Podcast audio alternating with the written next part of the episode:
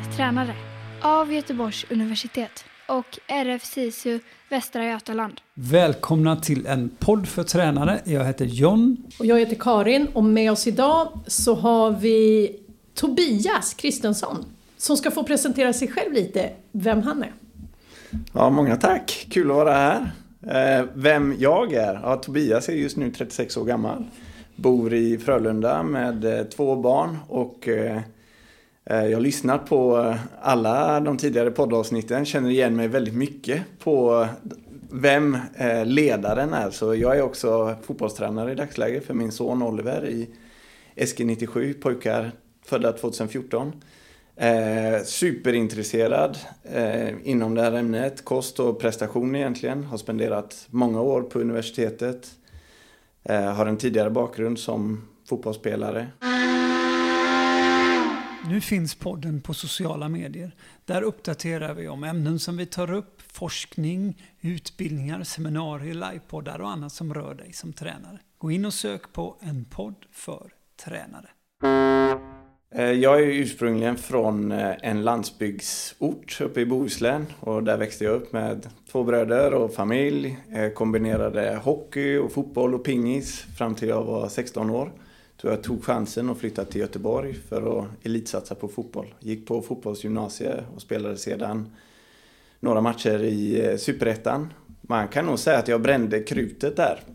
För när vi gick upp i Allsvenskan så fick jag lämna tyvärr Gick sen ner ett par nivåer, spelade division 1 i fotboll och eh, eh, hade inte kraften att mobilisera och, och studsa upp på, på den högsta nivån igen i Sverige eh, sen.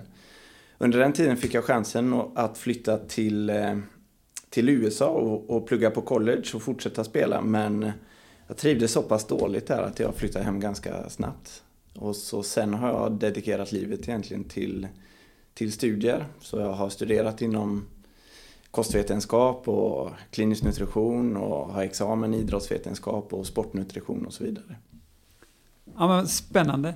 Och då tänker jag så här, det var kosten eller nutritionen, det som du kände då i din karriär, var det som du inte hade och därför du fick lägga om din bana? Eller hur kommer det sig att det blev kost och nutrition?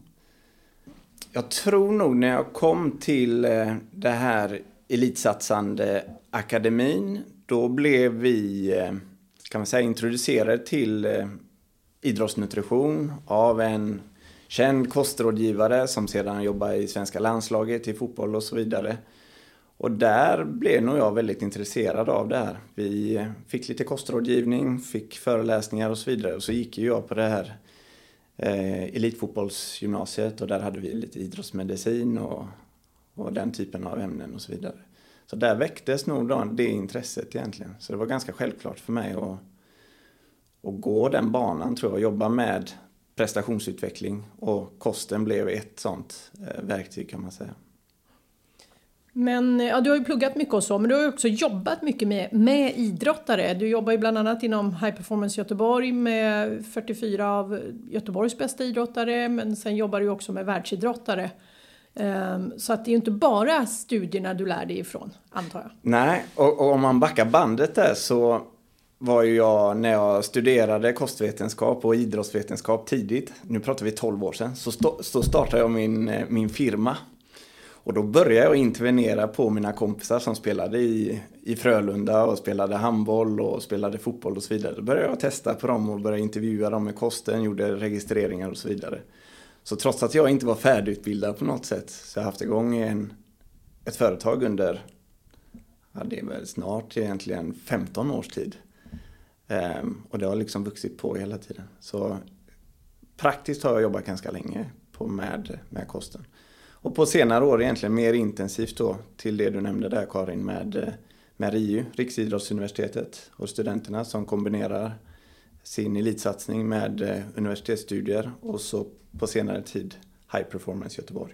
Du jobbar ju med de här idrotterna och så är det kost och nutrition. Men eh, du är inte bara intresserad av vad de äter, du är intresserad av deras prestation och hur du kan påverka den. Eh, och hur, eller kanske mer hur de kan påverka den genom kunskap som du har. Hur ser du på, på den grejen, alltså den här kombinationen träningen, kosten och kopplingen där? Ja, jag försöker alltid vara tvärvetenskaplig eller multifaktoriell egentligen när jag, när jag tänker på, på idrottsutveckling.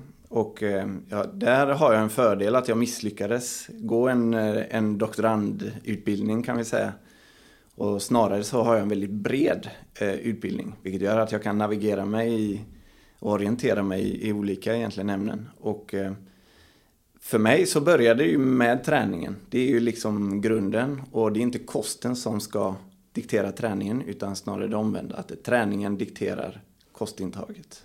Och det är nog en sån en sån faktor som tränaren ska ha med sig. Liksom. Att det är, det är den ordningen det måste vara.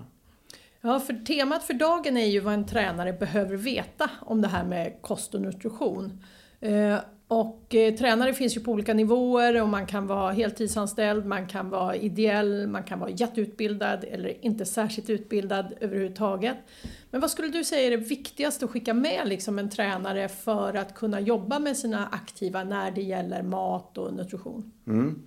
Och då vill jag backa där igen egentligen att det, det här begreppet kontinuitet det är liksom överordnat allt annat. Att hålla en, en spelare eller idrottare frisk över tid det liksom trumfar alla eh, nyckelpass eller trumfar alla bra metoder så att säga. Jag läste två riktigt bra sådana här översiktsartiklar för en vecka sedan eh, som internationella olympiska kommittén skrev. Två stycken sådana här konsensusuttalande. How much is too much? Alltså hur mycket träning är för mycket träning? Och då hade man dels perspektivet skador, dels perspektivet eh, sjukdom.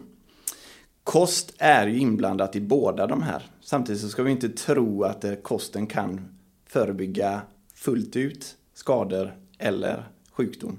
Men det är en del i det hela. Men kontinuitet är så här nyckelbegrepp för mig som, som en tränare måste, måste, måste ha med sig. Mm. Du pratar om, vet jag, om hur förberedd man är för att träna. Eh, Alltså hur den, hur den aktiva eller tränaren ska veta hur förberedd man är för belastningen som ska komma. Kan inte du berätta lite om det?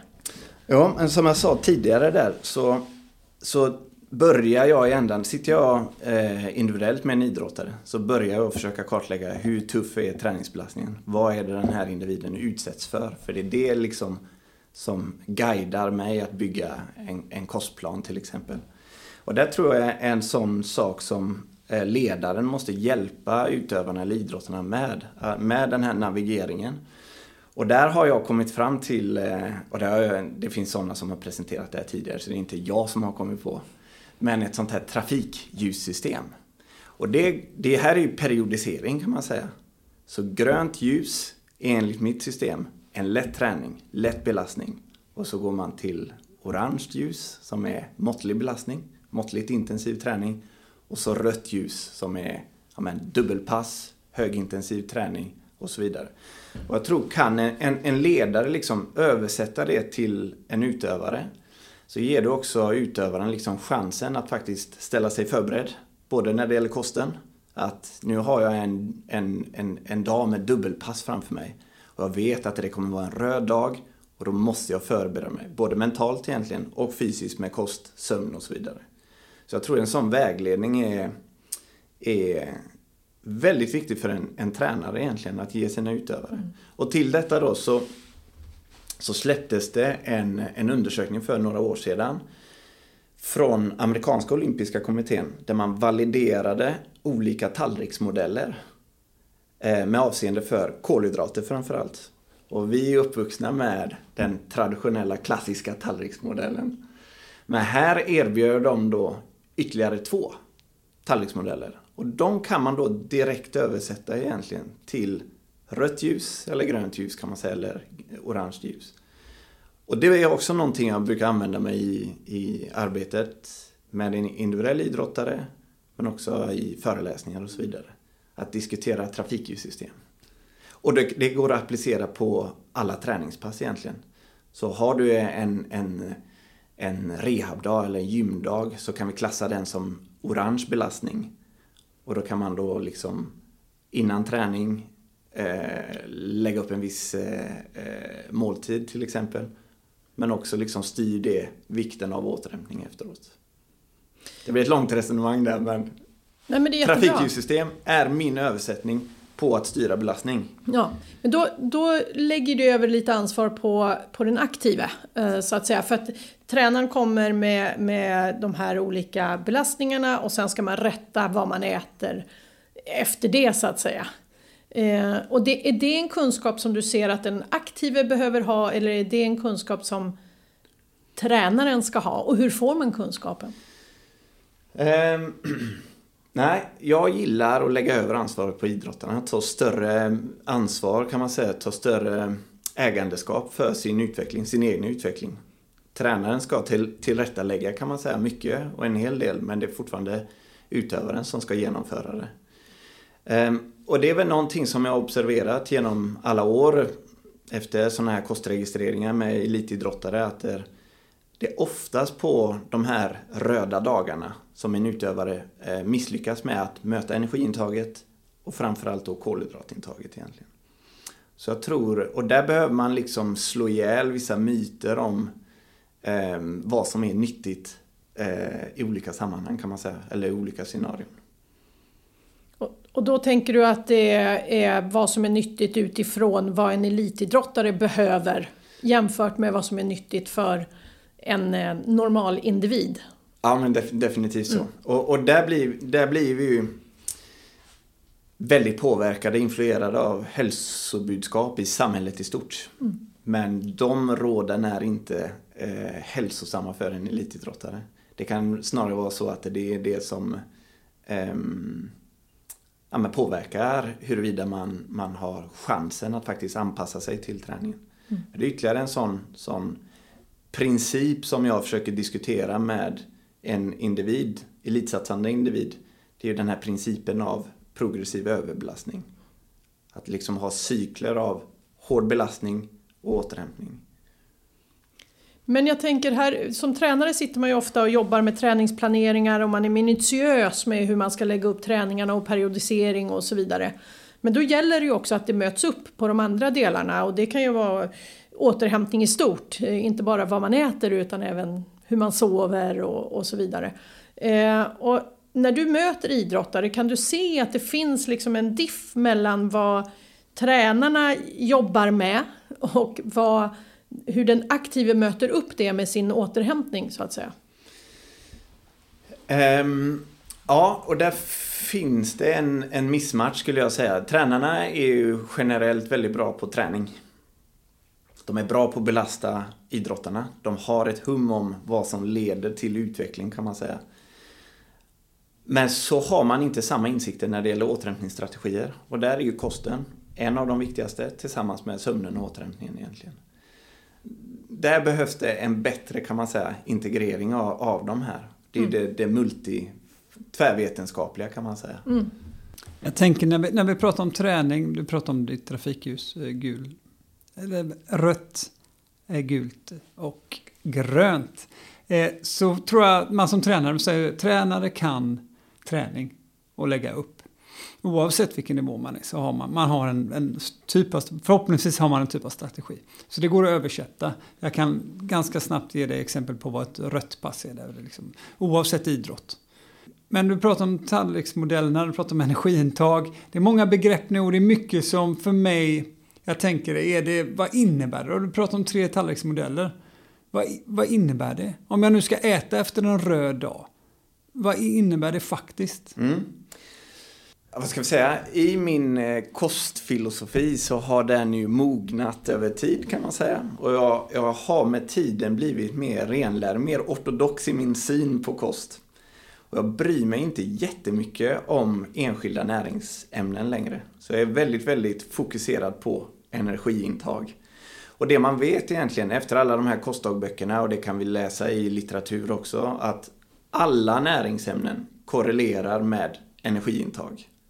Så energiintaget måste liksom ringas in och försöka mötas på något sätt. Och på ett väldigt, väldigt enkelt sätt så kan man säga, och det här har ju stöd i, i vetenskaplig nutritionslitteratur också.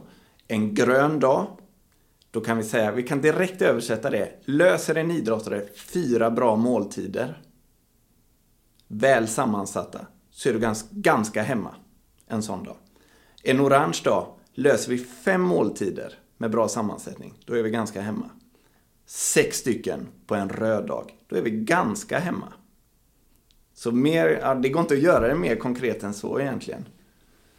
Då tänker jag, vad är en bra sammansatt måltid? Du pratar om fyra, fem eller sex bra måltider. Vad är en bra måltid? Det är ganska individuellt och jag är inte så himla upptagen av eh, vad som är bra eller dåligt där heller. Jag tror, alla de jag möter i alla fall, och jag jobbar ju med ja, men, högt och lågt kan man säga. Men jag kan jobba med de här RIU-studenterna. Vissa är läkarstudenter, vissa är ingenjörer. Supersmarta alltså. Och även eh, alltså min nioåring, han har en, en navigering vad som är mat, liksom, vad som är bra mat. Och jag går inte in och detaljstyr heller egentligen, utan jobbar enbart efter de här principerna. Jag tror det är väldigt få som skulle översätta eh, den här orangea dagen av fem måltider till fem stycken snabbmatsmåltider eller glassmåltider. Och ofta så har vi kan man säga, många går i skolan kanske. Om vi tar en elitsatsande ungdom så har de skolmat till exempel, kanske får morgonfrukost. Och vi, de är ganska inlärda i begreppen frukost, lunch, middag och ett mellanmål till exempel. Så jag tror inte det behövs, jag tror inte det behövs detaljstyrning där egentligen. Utan fokusera mer på, och återigen, energiintaget är det viktiga.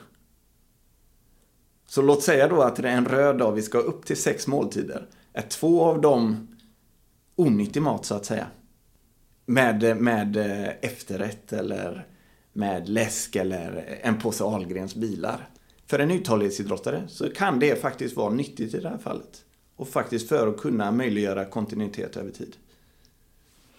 Det här tycker jag är väldigt skönt att höra. Jag tror att många tränare kan liksom kanske landa i det här, eh, tänker jag. För att många gånger när, jag, när man eh, blir tillfrågad av tränare och man sitter och diskuterar eh, kost och nutrition så kommer väldigt många väldigt snabbt in på kosttillskott, eh, kostregistrering, räkna kalorier, väga maten och de gör det väldigt detalj... De vill in i detaljerna och det är det de vill ha i en föreläsning. För det, för det är det man tror att det handlar om för en idrottare. Men jag tänker, de här delarna, när ska de komma in och när handlar det bara om att äta mat? Eh, nu hängde jag inte med på frågan helt där Karin, men... Nej men jag tänker så här att när, eh, när man som tränare då börjar fundera på kost och nutrition så är det lätt att man snöar in på liksom de svåra begreppen. Man ska göra en kostregistrering och man ska eh, räkna kalorier och det ska vara kosttillskott och sådär. Jag tänker eh, om man är tränare för en grupp med 14, 15, 16-åringar, är det det man ska tänka på? Eller vad är det man ska lägga krutet på när man pratar om kost och nutrition? Och när kommer de här detaljerna in så att säga? Ja, ja, ja. Eh, jag vill från ett annat håll här egentligen. Och, och ledaren spenderar ju mycket tid med utövarna. De kan se beteende över tid. De kan fånga upp de här tecken på för lite energi, hävdar jag. Eh, jag tror personligen, efter att ha följt eh, ja, men världsidrottare i de mest extrema idrotterna i världen egentligen, ehm, att de har eh, också en väldigt reducerad inställning till det här med energi. De har ett överskott under en grundträningsperiod. För att möjliggöra att vara mer robusta under en grundträningsperiod så tillåter man sig själv att liksom väga mer. För man tror att det är en faktor i kontinuitet och bedriva bra träning över tid.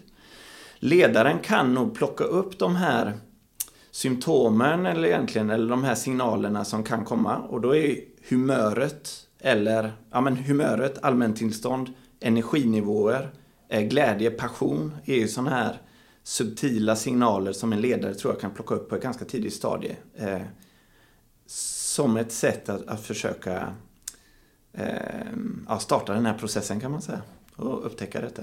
Mm. Utan att, att gå fördjupat in på en kostregistrering eller liknande. Ja, det, det behövs inte de extra grejerna, så att säga.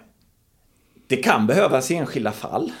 Men på det stora hela så, så tror jag det de tidiga tecknen går och, och kan en ledare fånga upp. Men vad ska en tränare förmedla då? Jag tänker, för precis som jag sa, att många tränare pratar om att ja, men eh, då måste vi ju kostregistrera och vi måste göra det här. Men vad kan tränaren, vad, vad är budskapet tränaren ska komma med till sina aktiva? Om vi säger att det är en elitförberedande verksamhet där de är, ja men kanske på gymnasienivå. Vad är det viktigaste budskapet? Och vad är det man ska bara, ja men gör det här, minst? Ja, men det är det här långsiktiga perspektivet tänker jag och kontinuiteten. Mm. Alltså för och om en idrottare eller elitsatsande ungdom eller liknande har en ambition att faktiskt livnära sig på sin idrott eller liknande. Då är det ju det långsiktiga perspektivet och då är, kommer hälsan egentligen någonstans eh, främst. Om du liksom ska hålla i 15 års tid så måste du liksom beakta de här delarna vi var inne på tidigare. Med skador, sjukdomar. Inte träna för hårt för mycket liksom. Om man inte har de här andra delarna på plats. Du, du sa ju själv så här, du vill inte gå in på, på liksom den lilla nivån när det gäller kost, utan du pratar ju mycket om att det handlar om att äta tillräckligt mycket mat. Tror du att det skulle liksom kunna vara konceptet för de här tränarna, att faktiskt gå ut med det budskapet? Att ät ordentligt med mat. Eller vad är det de ska, ska de börja prata om liksom fallgroparna eller ska de prata om att ät ordentligt?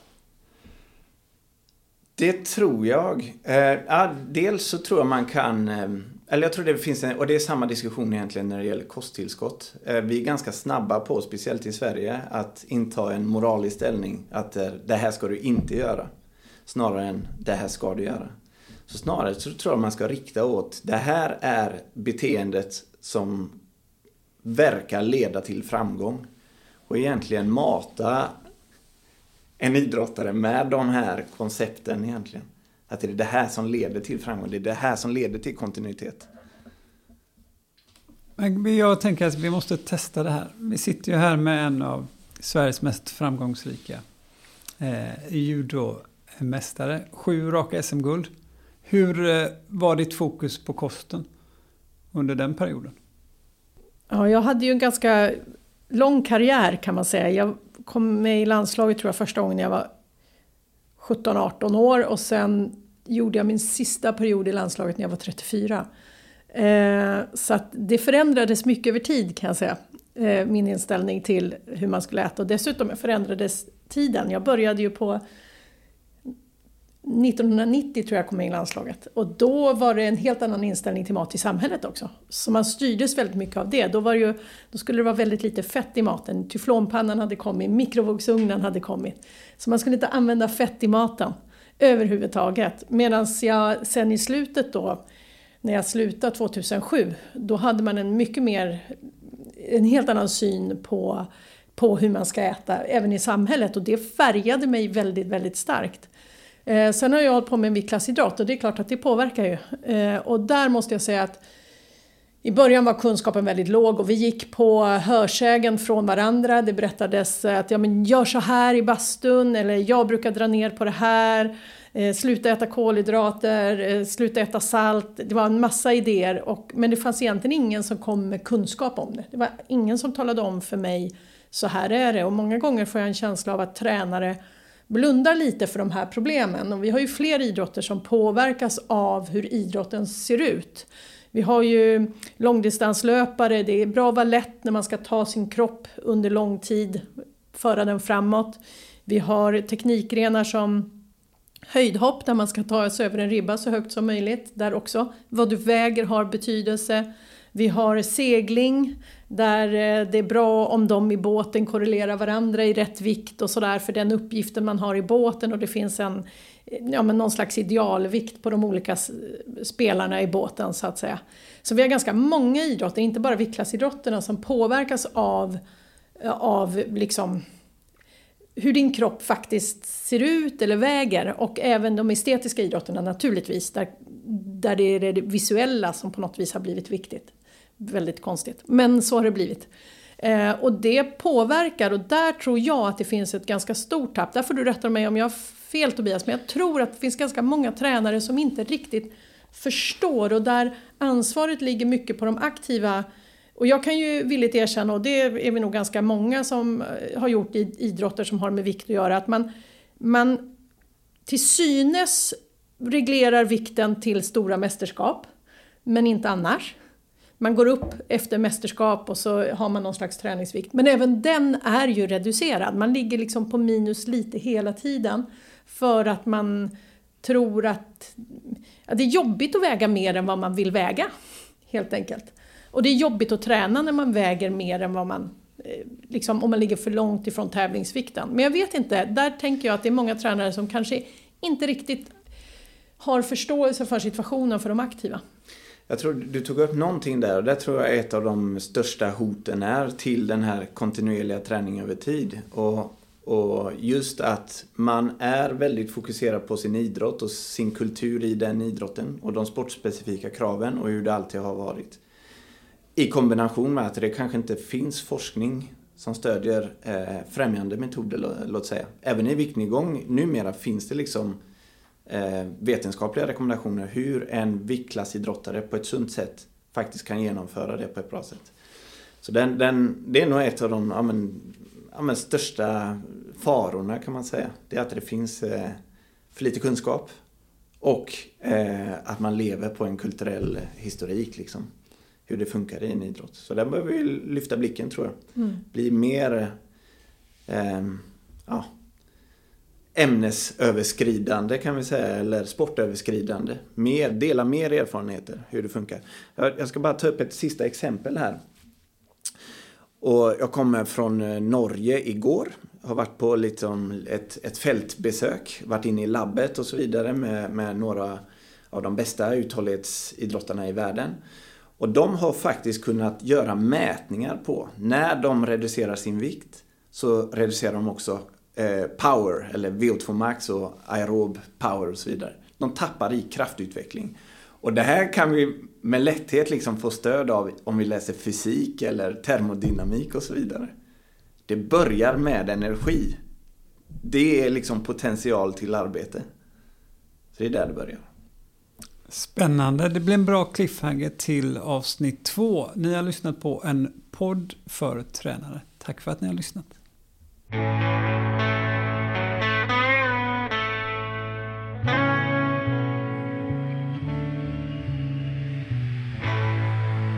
Tack för att ni har lyssnat på en podd för tränare. Nu finns podden på sociala medier. Där uppdaterar vi om ämnen som vi tar upp, forskning, utbildningar, seminarier, livepoddar och annat som rör dig som tränare. Gå in och sök på en podd för tränare.